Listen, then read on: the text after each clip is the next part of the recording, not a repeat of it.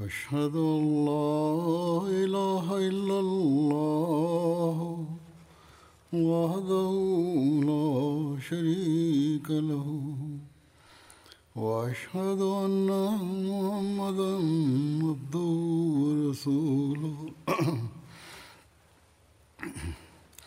أما بعد فأعوذ بالله من الشيطان الرجيم. بسم الله الرحمن الرحيم. الحمد لله رب العالمين. الرحمن الرحيم. مالك يوم الدين. إياك نعبد وإياك نستعين. اهدنا الصراط المستقيم صراط الذين أنعمت عليهم غير المغضوب عليهم ولا الضالين dalam menjelaskan berkenaan dengan keberkatan Al-Quran Karim. Pada satu kesempatan, Hadrat Aqdas Masih Maud salam bersabda, Pintu segenap karunia dan keberkatannya selalu mengalir, dan di setiap masa tampak senantiasa unggul dan cemerlang, sebagaimana di masa Rasulullah SAW. Kemudian beliau alaihissalam bersabda, Memang benar bahwa sebagian besar kaum muslim telah meninggalkan Al-Quran. Meski demikian, cahaya-cahaya dan keberkatan-keberkatan Al-Quran suci serta pengaruhnya senantiasa hidup dan segar, maka dari itu saya dikirim pada saat ini demi memberikan bukti ini, dan Allah Ta'ala di setiap masa senantiasa mengirimkan ini untuk hamba-hambanya demi menyokong dan mendukungnya, karena dia telah berjanji, Inna nahnu nazzalna wa inna lahu lahafizun. Yakni sesungguhnya kami telah menurunkan zikr, yakni Al-Quran suci ini, dan kamilah yang akan menjadi penjaganya. Jadi, di masa ini, Allah Ta'ala telah mengirim sosok pecinta sejati Hadrat Rasulullah SAW untuk penyebaran Al-Quran Karim, yakni untuk penjagaan Al-Quran Karim. Beliau mengajarkan ma'rifat yang telah hilang dari pandangan manusia. Beliau telah mengalirkan suatu mata air karunia Al-Quran Karim.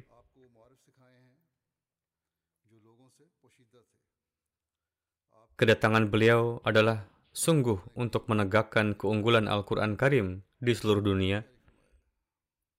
Tetapi sangat disayangkan bahwa mereka yang menamakan dirinya ulama Sejak awal pendakwaan beliau alaihissalam menjadikan permusuhan kepada beliau sebagai tujuan mereka, dan mereka tidak ingin mendengar dalil dan ucapan akal, serta mereka pun tengah menyesatkan umat manusia. Mereka sendiri tidaklah memahami ilmu dan ma'rifat, tetapi justru saat ini manusia menganggap bahwa orang-orang yang terus berusaha untuk mengadakan hambatan-hambatan bagi sosok yang telah Allah Ta'ala kirim demi tugas ini, mereka justru menganggapnya sebagai pengkhidmat Al-Quran Karim. Di Pakistan, para ulama di sana secara terus-menerus mengganggu dan bersama mereka terdapat para politisi dan pejabat pemerintah yang mana Demi mendapatkan kemasyhuran yang instan, mereka menjadikan para Ahmadi sebagai target kezaliman mereka dengan berbagai alasan. Sejak beberapa masa silam, orang-orang ini berusaha memejahijaukan para Ahmadi dengan tidak berdasar, yaitu atas tuduhan pengubahan dan penodaan Al-Quran. Semoga Allah Ta'ala menyelamatkan kita dari tindakan jahat mereka itu, dan semoga Allah Ta'ala segera menurunkan sarana demi kebebasan para Ahmadi yang telah mereka jatuhkan dalam tuduhan yang salah dan penuh kezaliman ini. Maka dari itu, sebagaimana telah saya sampaikan, pada masa ini hanya cahaya ajaran Hadrat Masih Maud lah yang dapat membuka ilmu dan ma'rifat Al-Quran Karim dan hanya jemaat Ahmadiyah lah yang tengah menjalankan misi ini di dunia. Pada saat ini, saya akan menerangkan ilmu makrifat tentang kemuliaan dan keutamaan serta kedudukan luhur Al-Quran Karim yang telah dijelaskan dan dianugerahkan oleh Hadrat Musi Maud salam dalam nasihat-nasihat dan tulisan beliau. Hadrat Musi Maud salam di satu tempat menyampaikan mengenai ajaran sempurna dan menyeluruh Al-Quran Karim, beliau Islam bersabda, Keyakinan saya adalah bahwa Al-Quran adalah kitab yang sempurna dalam hal ajarannya dan tidak ada suatu kebenaran yang di luar darinya, karena Allah yang maha mulia berfirman, Nazzalna alaikal kitaba tibyanan likulli syai' yakni kami telah menurunkan kitab yang di dalamnya terkandung penjelasan atas segala sesuatu. Kemudian Allah berfirman, Ma farratna fil kitabi min syai' yakni kami tidak meluputkan sesuatu pun di dalam kitab ini. Namun bersamaan dengan ini pun, beliau bersabda, saya pun meyakini bahwa mengambil Al-Quran Karim sebagai jalan keluar dan kesimpulan atas berbagai masalah keagamaan, lalu kemampuan untuk menerangkan keseluruhan rincian-rinciannya secara benar sesuai dengan kehendak ilahi bukanlah merupakan pekerjaan setiap mujtahid dan ulama. Setiap manusia tidaklah diberikan kemampuan untuk menjelaskan rincian dan penafsirannya serta menyelam hingga kedalamannya untuk meraih mutiara-mutiara ilmu dan ma'rifatnya. Hadrat Masih Maulid bersabda, namun ini secara khusus adalah tugas mereka yang dianugerahkan pertolongan berupa wahyu ilahi dalam cara kenabian atau kewalian yang agung. Maka dari itu, orang-orang yang beristimbat dan mencari makrifat Al-Quran tanpa adanya bantuan berupa ilham, mereka tidaklah dapat sanggup melakukannya. Dan inilah kenyataan yang sebenarnya, yaitu mereka akan menerima segenap ajaran berupa sunnah yang diamalkan dan mutawatir tanpa mencari pendalilan dan istimbat dari Al-Quran, dan tanpa merenungi dan mentadaburi dengan seksama. Banyak sekali para penafsir dan ada di antara mereka yang mana Allah Ta'ala sendiri tidaklah menurunkan kemampuan, ilmu dan ma'rifat kepadanya. Tugas mereka adalah hendaknya mereka memperhatikan tafsir-tafsir para penafsir besar yang telah mendahului mereka, yang mana mereka adalah orang-orang yang teguh di atas ketakwaan dan para imam-imam terdahulu hendaknya mereka mengamalkannya dan berupaya mengamalkan ilmu-ilmu yang tampak jelas dan dalam Al-Quran, alih-alih mereka terus memberi penafsiran dari mereka sendiri yang salah. Hadrat Muhammad SAW bersabda, siapa saja yang telah disinari dengan wahyu kewalian dan mereka masuk dalam golongan illal mutahharun, maka tanpa diragukan lagi, sebagaimana kebiasaan Allah, secara berangsur-angsur akan terus terbuka bagi mereka hal-hal yang halus dan tersembunyi dalam Al-Quran Siapa saja yang merupakan hamba Allah Ta'ala yang khas, Allah Ta'ala akan senantiasa membukakan ilmu Al-Quran Karim yang terdalam kepada mereka. Hal ini pun akan terbukti pada diri mereka bahwa Rasulullah SAW sama sekali tidak memberikan ajaran yang lebih dari Al-Quran. Sebagian orang mengatakan, di hadis ini beliau bersabda, ini dan itu.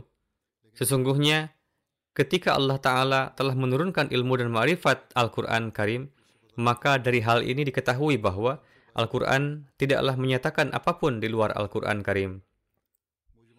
Beliau al-Islam bersabda, di dalam hadis-hadis sahih, bahkan terdapat penjelasan akan hal-hal umum serta isyarat-isyarat dari Al-Quran Karim. Jadi, dengan mendapatkan ini, akan terbuka mukjizat Al-Quran Karim pada mereka. Di dalam beberapa hadis, terdapat pernyataan yang merupakan tafsir dan penjelasan rinci dari sebagian ayat Al-Quran dan dengan ini semakin terbukalah pembahasan Al-Quran Karim. Beliau bersabda, Kemudian, kebenaran dari ayat-ayat yang nyata itu semakin terang atas mereka, yakni sebagaimana Allah Ta'ala berfirman bahwa tidak ada sesuatu pun yang luput dalam pembahasan Al-Quran. Di masa ini, Allah Ta'ala telah mengirim Hadrat Masih Maud salam untuk menganugerahkan ilmu dan ma'rifat Al-Quran Karim.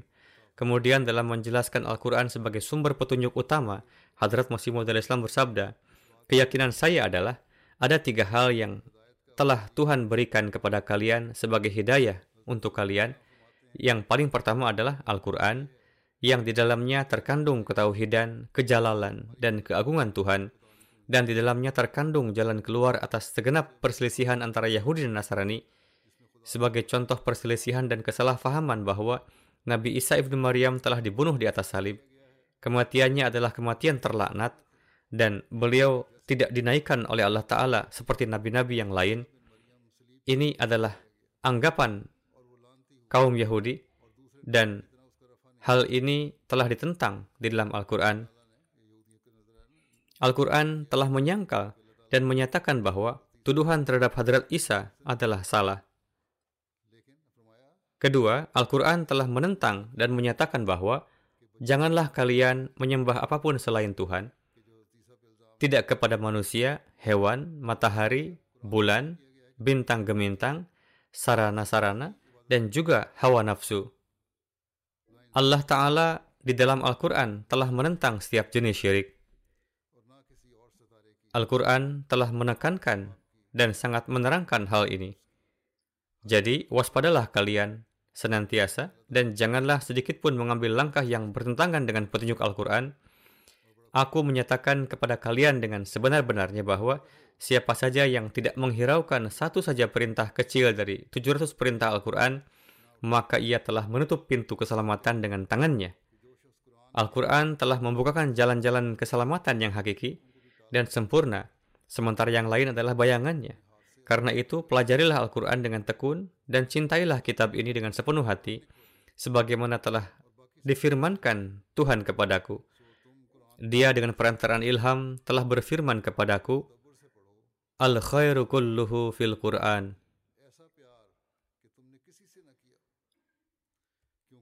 Yakni semua hal yang baik terdapat di dalam Al-Quran. Inilah hal yang sebenarnya. Dan sungguh malang mereka yang mendahulukan kitab lain daripada kitab ini. Sumber mata air seluruh kemakmuran dan keselamatan kalian adalah ada di dalam Al-Quran tidak ada kebutuhan keagamaan kalian yang tidak bisa dipenuhi oleh Al-Quran.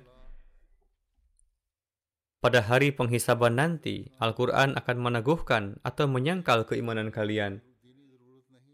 Tidak ada lagi di bawah kolong langit ini kitab lain yang sanggup memberikan petunjuk langsung kepada kalian. Alhasil, Al-Quran adalah penting sebagai sarana untuk meraih petunjuk keagamaan. Siapa saja yang meyakini dan beranggapan bahwa sosok yang memberi nasihat seperti demikian, apakah sosok seperti ini sanggup melakukan sedikit pun perubahan di dalam Al-Quran Karim? Hendaknya mereka sedikit mempergunakan akal sehat mereka. Selanjutnya beliau Islam bersabda, Tuhan telah sangat mengasihi kalian karena dia telah menganugerahkan kalian kitab sebagaimana Al-Quran ini. Sesungguhnya aku nyatakan kepada kalian bahwa jika kitab yang dibacakan kepada kalian ini juga dulu diberikan kepada umat Kristen, maka pastilah mereka tidak akan menyeleweng jauh seperti sekarang ini. Jika karunia petunjuk yang dianugerahkan kepada kalian ini dahulu juga diberikan kepada umat Yahudi sebagai pengganti Taurat, maka tidak akan ada sekte mereka yang kemudian menolak hari penghakiman. Jadi, hargailah karunia yang telah diberikan kepada kalian ini. Ini adalah nikmat yang sangat indah dan ini adalah harta yang sangat besar.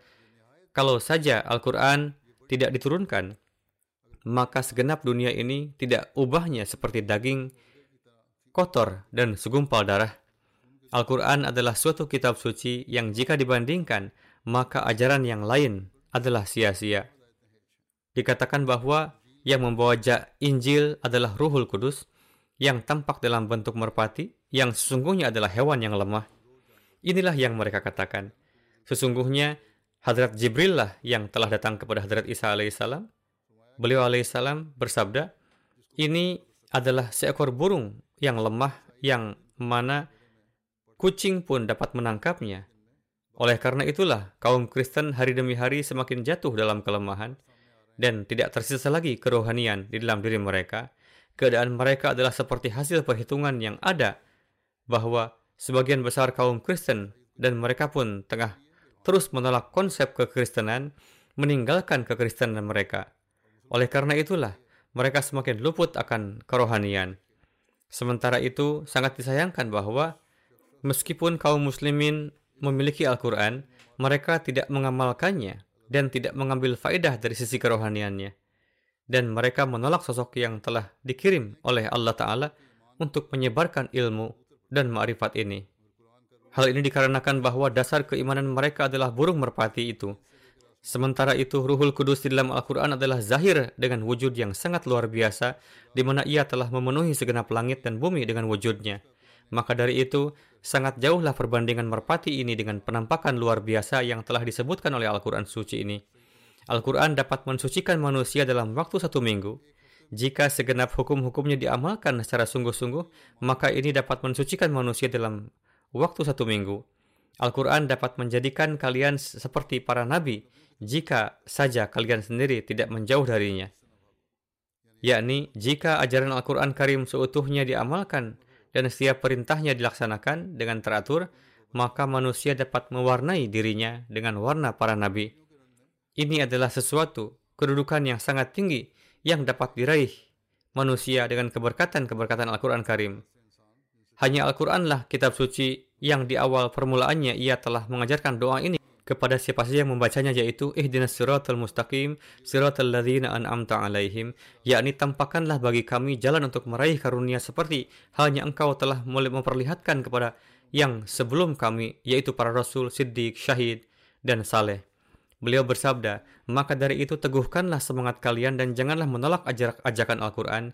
Ia berkehendak memberikan karunia kepada kalian seperti hanya kepada pendahulu kalian. Kemudian mengenai sumber petunjuk kedua setelah Al-Quran, beliau bersabda, yang kedua adalah sunnah Nabi Sallallahu Alaihi Wasallam dan yang ketiga adalah hadis karena ini datang setelah kurun waktu yang lama, bahkan setelah masa 100 tahun atau lebih, dengan syarat bahwa hadis-hadis ini tidak bertentangan dengan Al-Quran. Dalam memberikan nasihat untuk memuliakan dan meninggikan Al-Quran, beliau alaihissalam bersabda, suatu ajaran yang penting bagi kalian adalah janganlah kalian meninggalkan Al-Quran sebagai benda yang dilupakan, sebab di sinilah sesungguhnya letak kehidupan kalian. Siapa saja yang memuliakan Al-Quran, maka ia akan memperoleh kemuliaan di langit.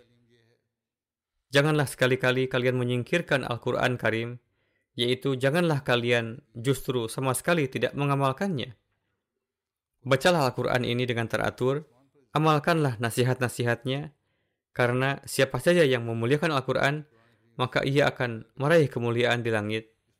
Siapa saja yang lebih mengutamakan Al-Quran dari segala hadis dan dari segala ucapan lain, maka ia akan diutamakan di langit. Bagi segenap umat manusia di atas permukaan bumi ini, kini tidak ada kitab lain kecuali Al-Quran. Dan bagi segenap keturunan Adam, kini tidak ada lagi seorang Rasul, just juru syafaat selain Nabi Muhammad Mustafa Sallallahu Alaihi Wasallam. Maka berusahalah kalian untuk menaruh kecintaan yang setulus-tulusnya kepada Nabi Agung itu, dan janganlah kalian meninggikan seseorang selain beliau dalam segi apa pun, agar di langit kalian dicatat dalam hamba-hambanya yang meraih keselamatan. Dan ingatlah bahwa najat keselamatan bukanlah sesuatu yang akan nampak nanti sesudah mati, melainkan najat yang hakiki ialah yang memperlihatkan cahayanya di alam dunia ini juga. Hendaknya memiliki keimanan yang kokoh, yang mana di dunia ini juga manusia menampakkan cahayanya, dan ia siap untuk menghadapi setiap cara kezaliman.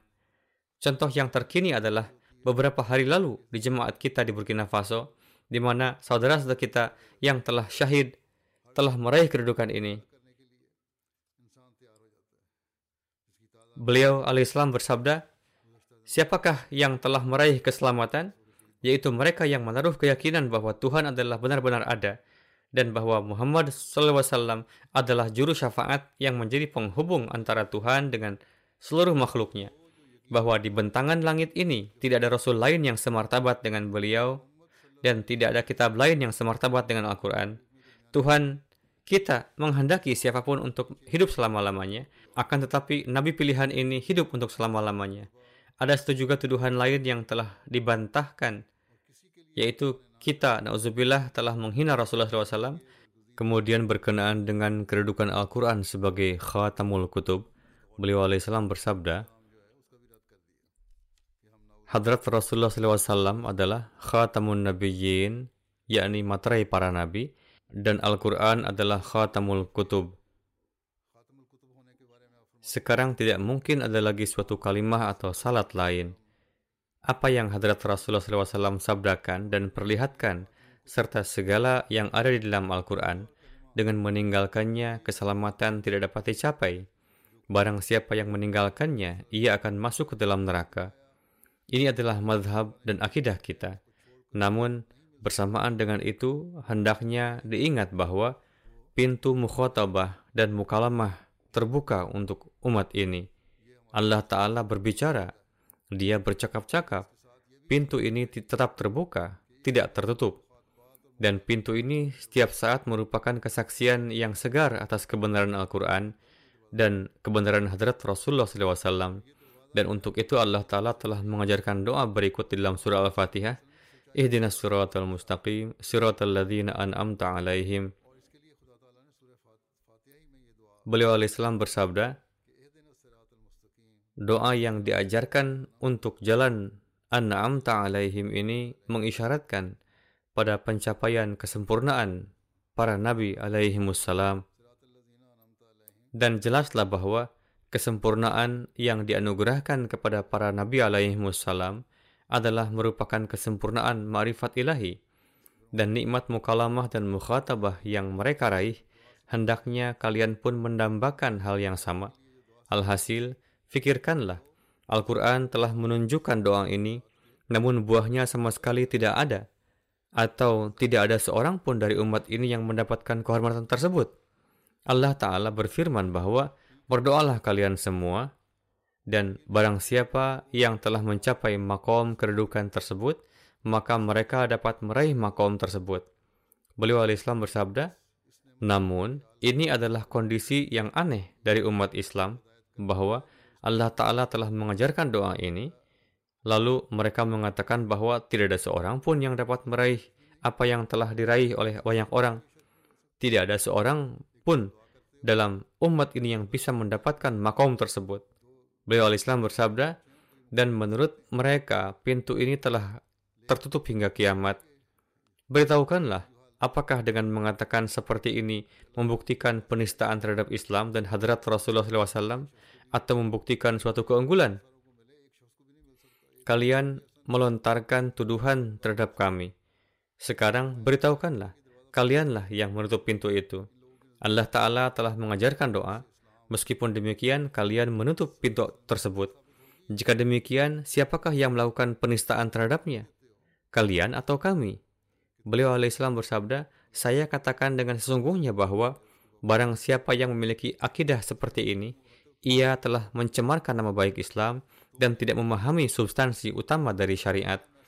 Salah satu tujuan Islam adalah supaya manusia tidak hanya mengucapkan wahdahu la syarik di mulut saja, melainkan benar-benar memahaminya dan tidak hanya sebatas memiliki keimanan khayali berkenaan dengan surga dan neraka, melainkan dalam kehidupan ini juga mereka mendapatkan pengenalan terhadap kondisi surgawi. Pada diri mereka terdapat kebaikan-kebaikan sedemikian rupa, sehingga kehidupan ini juga menjadi surga, dan mereka meraih keselamatan dari dosa-dosa yang orang-orang biadab terjerumus di dalamnya. Beliau Islam bersabda, ini adalah tujuan agung dari Islam baik dulu maupun sekarang. Dan ini adalah suatu tujuan yang sedemikian rupa suci murni, sehingga tidak ada kaum lain yang bisa mempersembahkan tandingannya dalam agama mereka, dan tidak juga bisa memperlihatkan contohnya. Jika hanya sekedar berbicara saja, semua orang dapat melakukannya. Namun siapa yang bisa memperlihatkan? Alhasil hari ini para pengikut Hadrat Masih Maud salam perlu untuk meraih standar ini perlu bagi kita untuk memberitahukan kepada dunia, perlu bagi kita untuk memperlihatkan kepada orang-orang yang menjatuhkan fatwa kafir kepada kita bahwa para Ahmadi tidak hanya menceritakan kisah-kisah masa lampau, bahkan hari ini pun kita meyakini turunnya karunia-karunia Allah Ta'ala atas mereka yang mengimani kitab yang hidup dan Rasul yang hidup Sallallahu Alaihi Wasallam. Kita meyakini bahwa hari ini pun Allah Ta'ala berbicara. Kemudian Hazrat Masih Islam bersabda, Allah Ta'ala telah menganugerahkan kepada kita seorang Nabi yang merupakan khatamul mu'minin, khatamul arifin, khatamul nabiyyin, dan demikian juga dia menurunkan kepadanya sebuah kitab yang merupakan jami'ul kutub dan khatamul kutub. Rasulullah SAW yang merupakan khatamun nabiyyin dan kenabian telah berakhir pada diri beliau Wasallam. Kenabian ini tidaklah berakhir dengan cara seperti seseorang yang menghabisi dengan cara mencekik, Khatam seperti ini tidaklah patut dibanggakan, melainkan yang dimaksud dengan kekhataman kenabian pada diri Rasulullah SAW adalah secara alami kesempurnaan kenabian telah berakhir pada diri beliau, yakni berbagai kesempurnaan yang diberikan kepada para nabi sejak Adam alaihissalam hingga Al-Masih ibnu Maryam dikumpulkan dalam diri Rasulullah SAW. Atas hal itu, niscaya beliau ditetapkan sebagai khatamun nabiyyin, Demikian juga segenap ajaran-ajaran, wasiat dan marifat yang terdapat dalam berbagai kitab telah menjadi khatam setelah semuanya tersaji di dalam Al-Quran dan Al-Quran ditetapkan sebagai khatamul kutub. Kemudian beliau al-Islam bersabda, kata khatamun nabiyyin yang disematkan pada Rasulullah SAW dengan sendirinya menghendaki dan tentunya dalam kata tersebut diletakkan pengertian bahwa kitab yang diturunkan kepada hadrat Rasulullah SAW juga haruslah merupakan khatamul kutub dan seluruh kesempurnaan hendaknya terdapat di dalamnya. Dan memang pada hakikatnya, kesempurnaan itu terdapat di dalamnya. Karena kaidah dan prinsip umum turunnya kalam ilahi adalah seberapa besar daya kesucian dan kesempurnaan batin seseorang yang kepadanya kalam ilahi diturunkan, sedemikian besar pula lah daya dan kekuatan kalam ilahi tersebut dikarenakan daya kesucian dan kesempurnaan batin Hadrat Rasulullah SAW memiliki tingkatan yang sedemikian luhur yang tidak pernah ada seorang manusia pun yang melebihinya dan tidak akan pernah ada. Tingkat kesempurnaan dan sedemikian tinggi belum pernah terjadi dan tidak akan terjadi di masa mendatang. Lalu, na'udzubillah, kita dituduh bahwa kita menganggap Hadrat Masih Maud Islam lebih tinggi dari Hadrat Rasulullah SAW. Na'udzubillah. Dan kita dituduh sebagai penista kenabian. Setelah adanya kata-kata tersebut, tidak ada seorang yang berakal dan adil dapat mengatakan bahwa para Ahmadi dengan suatu cara telah melakukan penistaan agama. Beliau alaihissalam bersabda, oleh karena itu, Al-Quran pun telah mencapai makom dan kedudukan tertinggi di antara semua kitab dan sahifah sebelumnya yang belum pernah dicapai oleh kalam yang lainnya karena kapasitas dan daya kesucian hadrat Rasulullah SAW adalah yang terbesar. Dan segenap makom kesempurnaan telah berakhir pada diri beliau SAW dan beliau SAW telah mencapai titik tertinggi. Maka Al-Quran yang diturunkan pada beliau SAW telah mencapai makom kesempurnaan ini. Dan sebagaimana kesempurnaan kenabian telah berakhir pada diri beliau demikian pula kesempurnaan mujizat kalam telah berakhir pada Al-Quran beliau sallallahu alaihi wasallam ditetapkan sebagai khatamun nabiyyin dan kitab beliau sallallahu alaihi wasallam ditetapkan sebagai khatamul kutub. Beliau alaihissalam bersabda, perihal dan aspek apa pun yang memungkinkan untuk mukjizat kalam ditinjau dari semua itu, kitab beliau sallallahu alaihi wasallam telah mencapai puncak yang tertinggi. Perihal dan aspek apa pun yang memungkinkan untuk keagungan dan mukjizat suatu kalam, semua terdapat di dalamnya, yakni baik ditinjau dari sisi kefasihan, penyusunan tema, ajaran, kesempurnaan ajaran, buah dan ajaran, singkatnya, ditinjau dari sisi mana pun Al-Quran akan nampak sempurna dan mukjizatnya akan terbukti. Inilah sebabnya Al-Quran tidak meminta tandingan untuk suatu perkara tertentu saja, melainkan meminta tandingan secara umum, yakni marilah bertanding dari sisi mana pun yang kalian inginkan, baik itu dalam hal kefasihan dan lain-lain. Al-Quran tidak meminta tandingan untuk suatu aspek tertentu. Kemarilah dan bertandinglah dengan Al-Quran dengan cara apa pun. Segala macam topik terdapat di dalam Al-Quran, baik itu dari sisi kefasihan, makna, ajaran, nubuatan-nubuatan, dan kabar-kabar gaib yang terdapat di dalam Al-Quran.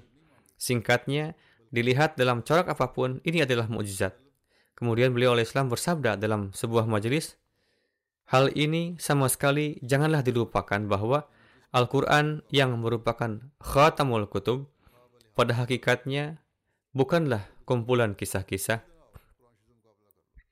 Mereka yang menyebutkan Al-Quran sebagai kumpulan kisah-kisah karena kesalahpahaman dan pengingkaran mereka terhadap kebenaran, mereka tidak mengambil manfaat dari kemampuan fitrat untuk mengenali kebenaran.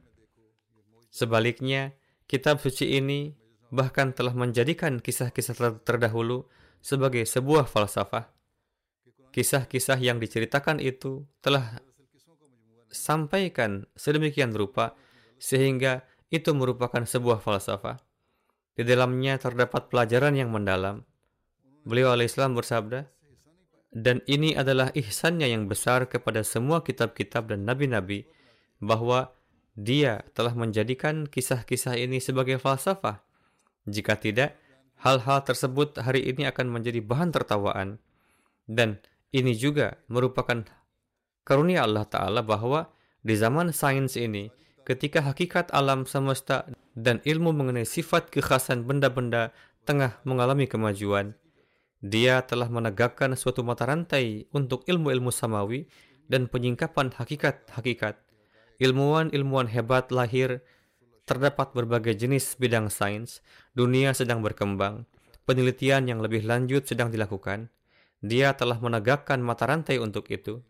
Dan dalam silsilah ini, setelah mendapatkan pengetahuan dari ilmu Al-Quran, Hadrat Musi Maud salam telah menjelaskan semuanya, bahwa bagaimana terdapat kesatuan antara sains dan agama. Beliau alaihissalam bersabda, mereka yang di zaman gonjang-ganjing ini tidak menghargai semua hal tersebut lebih dari sekedar kisah-kisah biasa, dan mereka menertawakannya di arah sains ini, yang merupakan zaman kegelapan dan zaman kejahilan nampak satu dua ulama dalam Islam. Hal-hal tersebut terjadi pada masa ini. Orang-orang menertawakan. Para ilmuwan melontarkan cemoohan terhadap agama. Namun Allah Ta'ala telah mengutus Hadrat Musi Maud salam dan menjelaskan tafsir Al-Quran dan juga marifatnya kepada beliau alaihissalam. Beliau alaihissalam bersabda, Al-Quran telah menyajikannya dalam corak filsafat dalam konteks keilmuan umat Islam hendaknya bersyukur kepada Allah Ta'ala bahwa sesuai dengan janjinya, dia telah mengutus sosok pilihannya di zaman ini untuk menjelaskan ajaran Al-Quran yang hakiki, yang telah menghilangkan semua tuduhan jahil terhadap ajaran Islam. Kemudian beliau al-Islam menganggap betapa pentingnya keimanan terhadap Al-Quran dan pengikutnya. Dan beliau al-Islam meyakininya sebagai bagian dari keimanan. Seraya menjelaskan rincian dari hal ini, beliau alaihissalam bersabda, saya menganggap sedikit saja melenceng dari mengikuti Al-Quran dan hadrat Rasulullah SAW sebagai ketiadaan keimanan. Akidah saya adalah, barang siapa yang sedikit saja meninggalkannya, maka ia adalah seorang ahli neraka.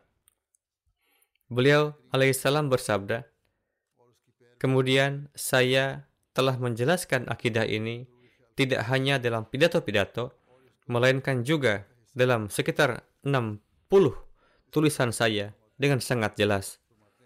Dan saya memikirkan hal ini siang malam.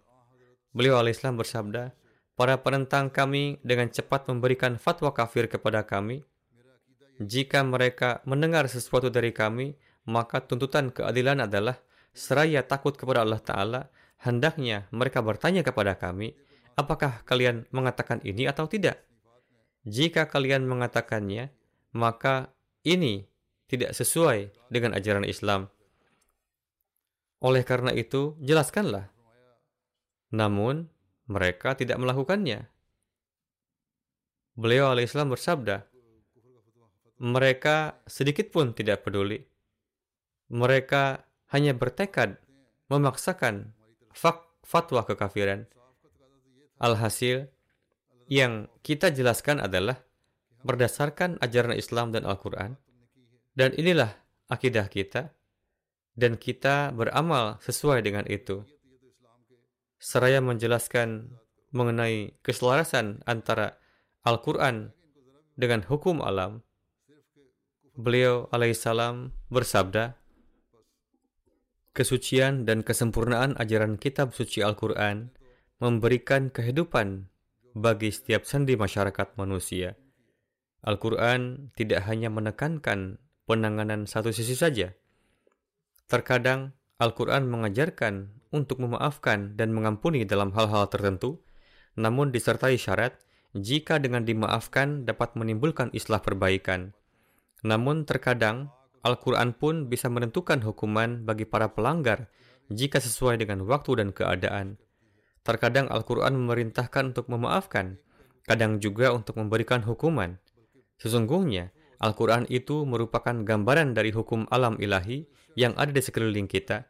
Kitab ini sepenuhnya masuk akal, di mana firman Tuhan dan hasil kinerjanya adalah bersesuaian satu dengan yang lainnya.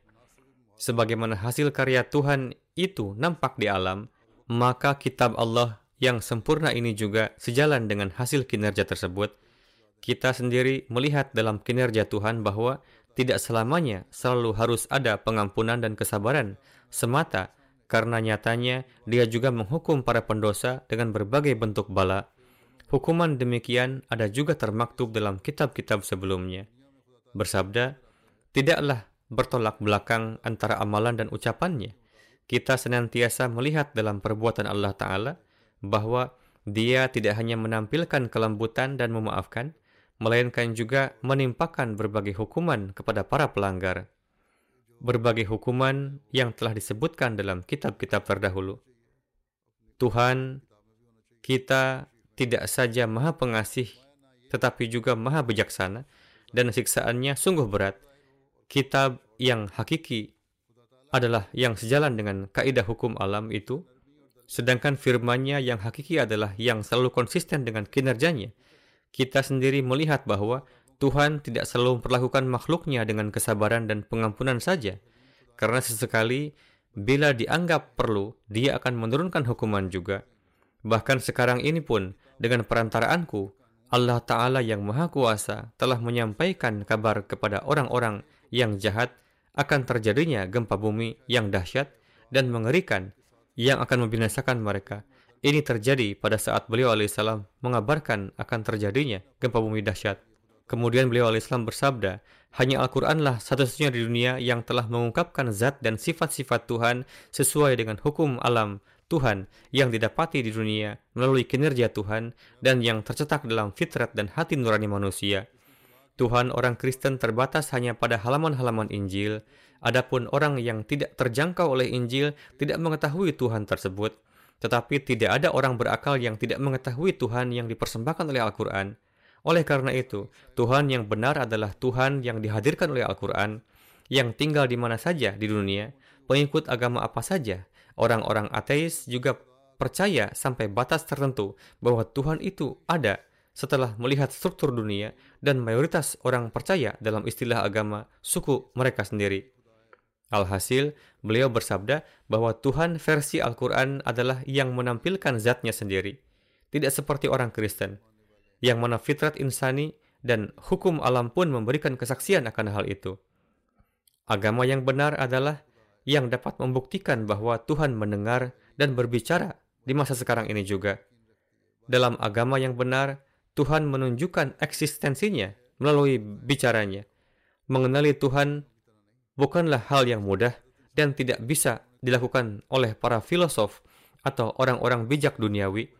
Observasi langit dan bumi hanya memberikan kesimpulan bahwa meskipun dengan melihat keteraturannya mengindikasikan kemungkinan adanya sosok pencipta, namun tidak menjadi bukti nyata bahwa pencipta itu memang benar ada.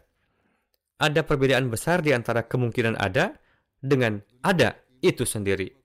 Al-Quran adalah satu-satunya kitab yang mengemukakan eksistensinya sebagai suatu fakta yang tidak saja mendorong manusia untuk mencari Tuhan, tetapi juga menjadikan dirinya mewujud. Tidak ada kitab lain yang memanifestasikan wujud yang tersembunyi tersebut. Berkenaan dengan wujud Allah Ta'ala, terdapat bukti dalam Al-Quran Syarif. Dalam membuktikan keunggulan Al-Quran di atas Injil dan kitab-kitab lainnya, beliau alaihissalam bersabda, Al-Quran Syarif merupakan mukjizat sempurna dan hidup, dan mukjizat firman merupakan mukjizat yang tidak mungkin akan kadaluarsa, tidak pula akan sirna. Jika saat ini ada yang ingin menyaksikan tanda mukjizat Hadrat Musa, di mana akan ia dapatkan? apakah tongkat Nabi Musa ada pada orang-orang Yahudi saat ini? Dan apakah saat ini tongkat tersebut memiliki kemampuan untuk berubah menjadi ular dan lain-lain? Alhasil, semua mukjizat yang diperlihatkan oleh semua nabi-nabi terdahulu telah berakhir bersamaan dengan akhir hayat mereka. Namun mukjizat nabi kita yang mulia Rasulullah SAW tetap segar dan hidup pada setiap masa. Bahwa mukjizat-mukjizat itu tetap hidup dan tidak tunduk kepada maut merupakan bukti bahwa hanya yang mulia Rasulullah SAW saja yang merupakan nabi yang hidup dan bukti bahwa kepada beliau telah dikaruniakan kehidupan hakiki. Tidak diperoleh oleh yang lainnya. Ajaran beliau merupakan ajaran yang hidup karena buah dan berkatnya tetap bisa dinikmati sekarang sebagaimana dinikmati umat pada masa 1300 tahun yang lalu. Kita memiliki ajaran yang jika dilaksanakan dengan sempurna, maka seseorang bisa menyatakan bahwa ia telah diberkati dengan buah dan rahmat dari ajaran itu, dan bahwa ia telah menjadi tanda ilahi. Berkat rahmat Allah yang Maha Kuasa, kita bisa menjumpai buah dan berkat dari kitab suci Al-Quran di sekitar kita, dan kita tetap bisa menemukan rahmat dan tanda-tanda samawi yang diberikan berkat kesetiaan kepada yang mulia Rasulullah SAW.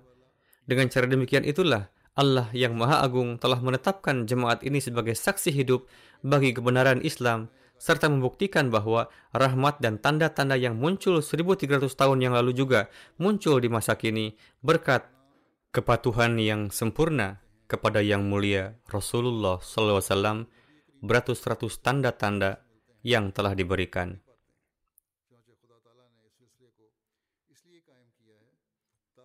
Dalam beberapa bukunya, Hadrat Masih Maud salam telah menuliskan tanda-tanda tersebut dan setiap hari yang terbit bagi jemaat memberikan kesaksian bagaimana nubuatan-nubuatan beliau tersebut tergenapi.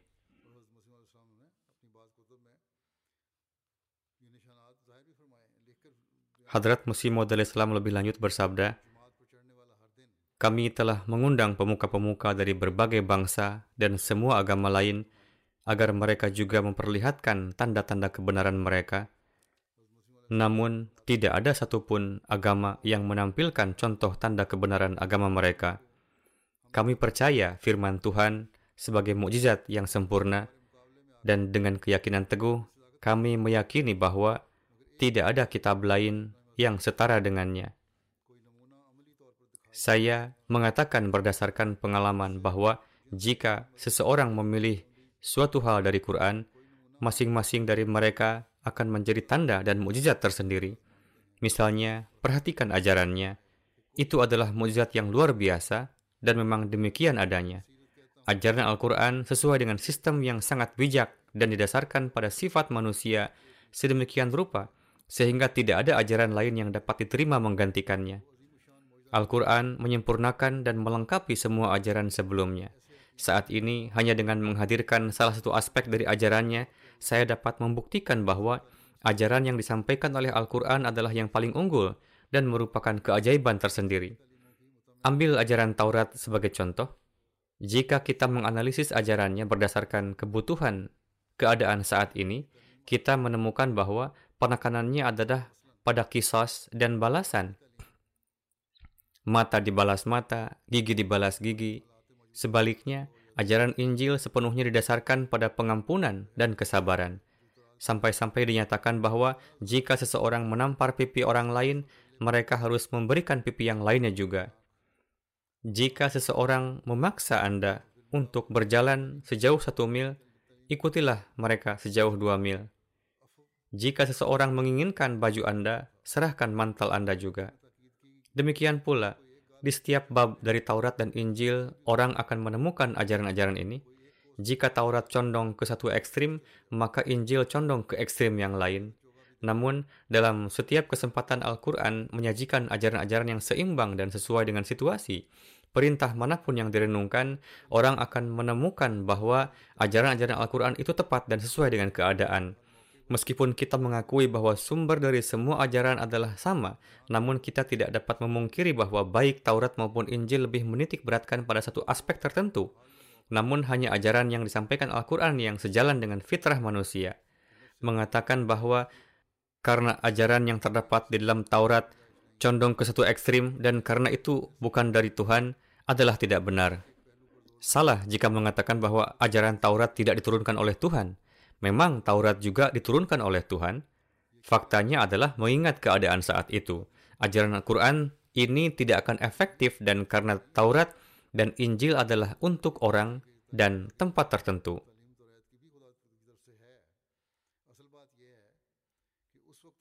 Yaitu ajaran seimbang yang telah diberikan sekarang dalam Al-Quran tidak akan efektif untuk masa itu.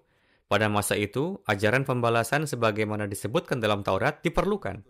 Dan karena Taurat dan Injil adalah untuk orang dan tempat tertentu, yaitu ajaran Injil dan Taurat dikirim ke tempat tertentu, untuk alasan ini, mereka tidak menyebutkan aspek lain dari ajaran mereka secara rinci.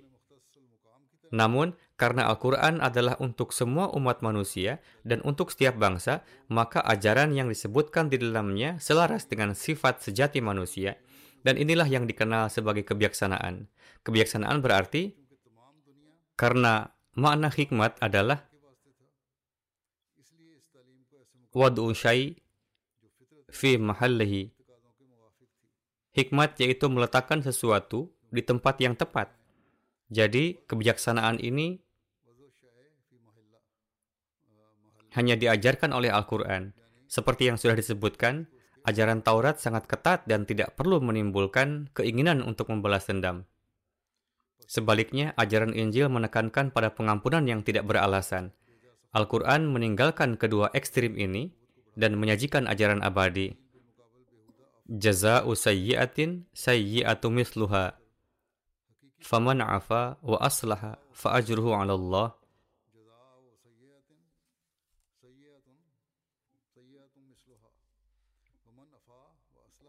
Dan balasan suatu kejahatan adalah kejahatan yang setimpal. Tetapi barang siapa memaaf dan tujuannya untuk islah, maka ganjarannya ada di sisi Allah Ta'ala.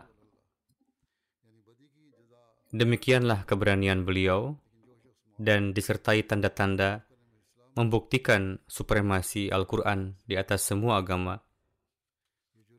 Ketika Inggris memerintah negara itu, ketika gereja berada pada puncak kejayaan, namun beliau alaihissalam secara terbuka menyampaikan tantangan dengan membuktikan supremasi Al-Quran dan tidak membiarkan rasa takut mendekat, karena beliau adalah diutus oleh Allah Ta'ala sebagai hamba Nabi Suci Wasallam dengan tujuan untuk menyebarkan ajaran Al-Quran.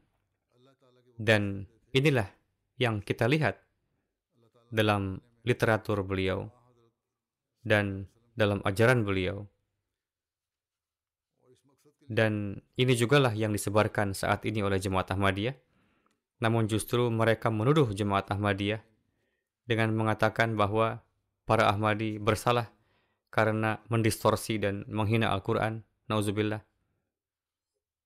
Dalam menggambarkan perlunya dan pentingnya Al-Quran, beliau alaihissalam bersabda, Dalil utama tentang perlunya keberadaan Al-Quran adalah bahwa semua kitab terdahulu dari kitab Taurat, Musa hingga Injil ditujukan kepada bangsa tertentu, Bani Israel, dan dengan jelas menyatakan bahwa petunjuknya adalah bukan untuk seluruh umat manusia, melainkan hanya terbatas pada Bani Israel. Tetapi Al-Quran bermaksud mereformasi seluruh dunia, dan lawan bicaranya bukanlah bangsa tertentu, tetapi secara terbuka menyatakan bahwa itu telah diturunkan untuk semua manusia dan sebagai islah bagi setiap orang. Jadi, ada perbedaan besar antara ajaran Taurat dan ajaran Al-Quran. Misalnya, Taurat mengatakan jangan menumpahkan darah, dan Al-Quran juga mengatakan jangan menumpahkan darah. Dan tampaknya Al-Quran mengulangi perintah yang sama yang muncul dalam Taurat. Tetapi sebenarnya bukan pengulangan. Tetapi perintah Taurat ini hanya terkait dengan Bani Israel. Dan hanya melarang Bani Israel untuk tidak membunuh. Taurat tidak ada hubungannya dengan yang lain. Tetapi perintah Al-Quran terkait dengan dunia dan melarang semua manusia menumpahkan darah secara ilegal. Dengan cara yang sama, tujuan utama Al-Quran dalam semua perintah adalah reformasi seluruh umat manusia, sedangkan tujuan Taurat terbatas hanya untuk Bani Israel saja. Pernyataan para misionaris Kristen bahwa Al-Quran tidak ada mengemukakan suatu hal baru berkenaan dengan ketauhidan ilahi dan semua kaidahnya sudah terdapat di dalam kitab Taurat adalah suatu hal yang salah sama sekali. Seorang awam yang membaca kitab Taurat mungkin terkecoh bahwa kitab itu mengemukakan masalah ketauhidan ilahi, petunjuk pelaksanaan ibadah, hak hak asasi manusia, sehingga tidak ada hal baru di dalam Al-Quran. Tetapi hanya orang yang belum merenungi firman Tuhan yang mungkin melakukan kesalahan demikian. Masih banyak sekali masalah-masalah ketuhanan yang tidak diungkapkan di dalam kitab Taurat. Sebagai contoh, kitab ini tidak mengemukakan tingkat-tingkat rinci dari ketauhidan ilahi. Al-Quran tidak mengemukakan ketauhidan ilahi sebagai suatu hal semata melarang penyembahan berhala, makhluk lainnya, unsur-unsur alam, benda-benda langit atau syaitan, karena sebenarnya ketauhidan ilahi memiliki tiga tingkatan, Tingkatan pertama dari ketauhidan ilahi adalah keadaan di mana orang awam mengharapkan keselamatan dari kemurkaan Allah yang Maha Perkasa. Tingkat kedua adalah bagi mereka yang mengharapkan kedekatan yang lebih kepada Tuhannya dibanding orang awam. Tingkat ketiga adalah khas bagi mereka yang menginginkan kesempurnaan dalam kedekatan kepada Tuhan. Pada tingkat pertama, penekanannya adalah pada pandangan bahwa tidak ada yang lain Nya patut disembah kecuali Tuhan, di mana manusia harus menahan diri dari penyembahan kepada segala hal yang merupakan barang ciptaan dan bersifat terbatas, baik yang di langit maupun di bumi. Tingkat kedua dari ketahuan ilahi adalah keyakinan bahwa dalam segala urusan hanya Tuhan saja yang menjadi kekuatan hakiki dan tidak ada satupun yang kemudian ditinggikan sebagai sekutunya. Misalnya dengan mengatakan, kalau tidak ada si Anu, maka saya akan mengalami kerugian atau jika tidak ada si Anu, maka saya akan hancur.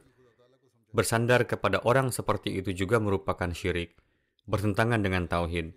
Jika kalimat itu diungkapkan dengan niat yang dengan secara hakiki seseorang dianggap mempunyai kekuasaan, merupakan perbuatan syirik. Tingkat ketiga ketauhidan ilahi adalah menyingkirkan nafsu dan keinginan pribadi seseorang dari kecintaannya kepada Allah dan mengabdikan seluruh hidupnya bagi keakbarannya Bentuk ketauhidan ilahi seperti itu tidak ada dijumpai dalam kitab Taurat. Dalam kitab itu juga tidak ada disinggung mengenai keselamatan atau tentang neraka, kecuali sekelumit kutipan di sana-sini. Begitu juga tidak bisa ditemui rincian sifat-sifat ilahi yang sempurna.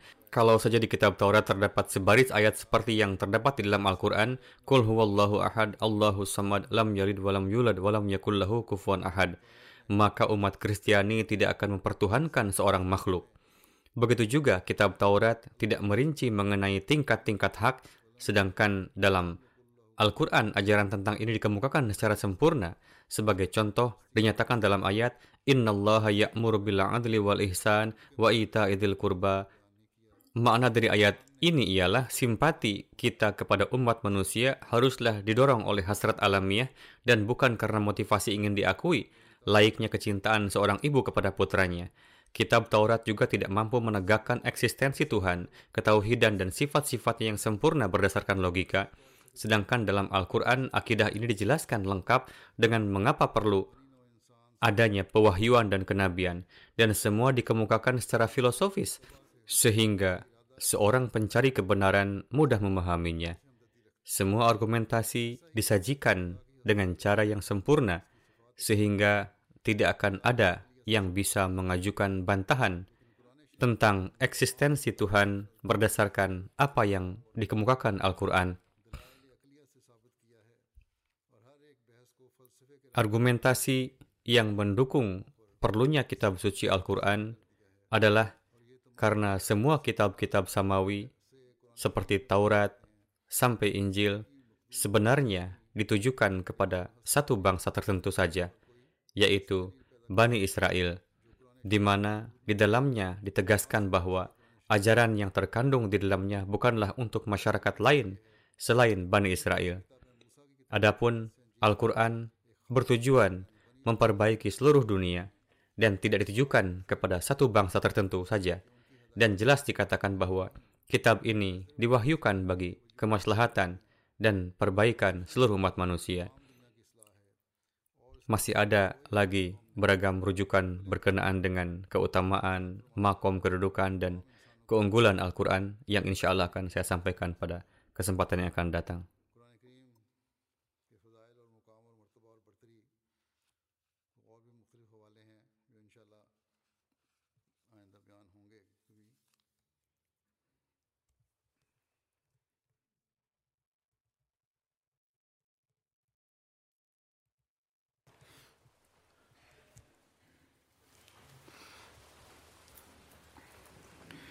الحمد لله الحمد لله نحمده ونستعينه ونستغفره ونؤمن به ونتوكل عليه ونعوذ بالله من شرور أنفسنا ومن سيئات أعمالنا.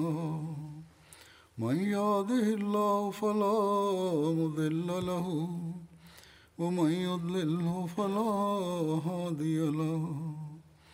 ونشهد أن لا إله إلا الله. ونشهد أن محمدا عبده ورسوله. عباد الله رحمكم الله.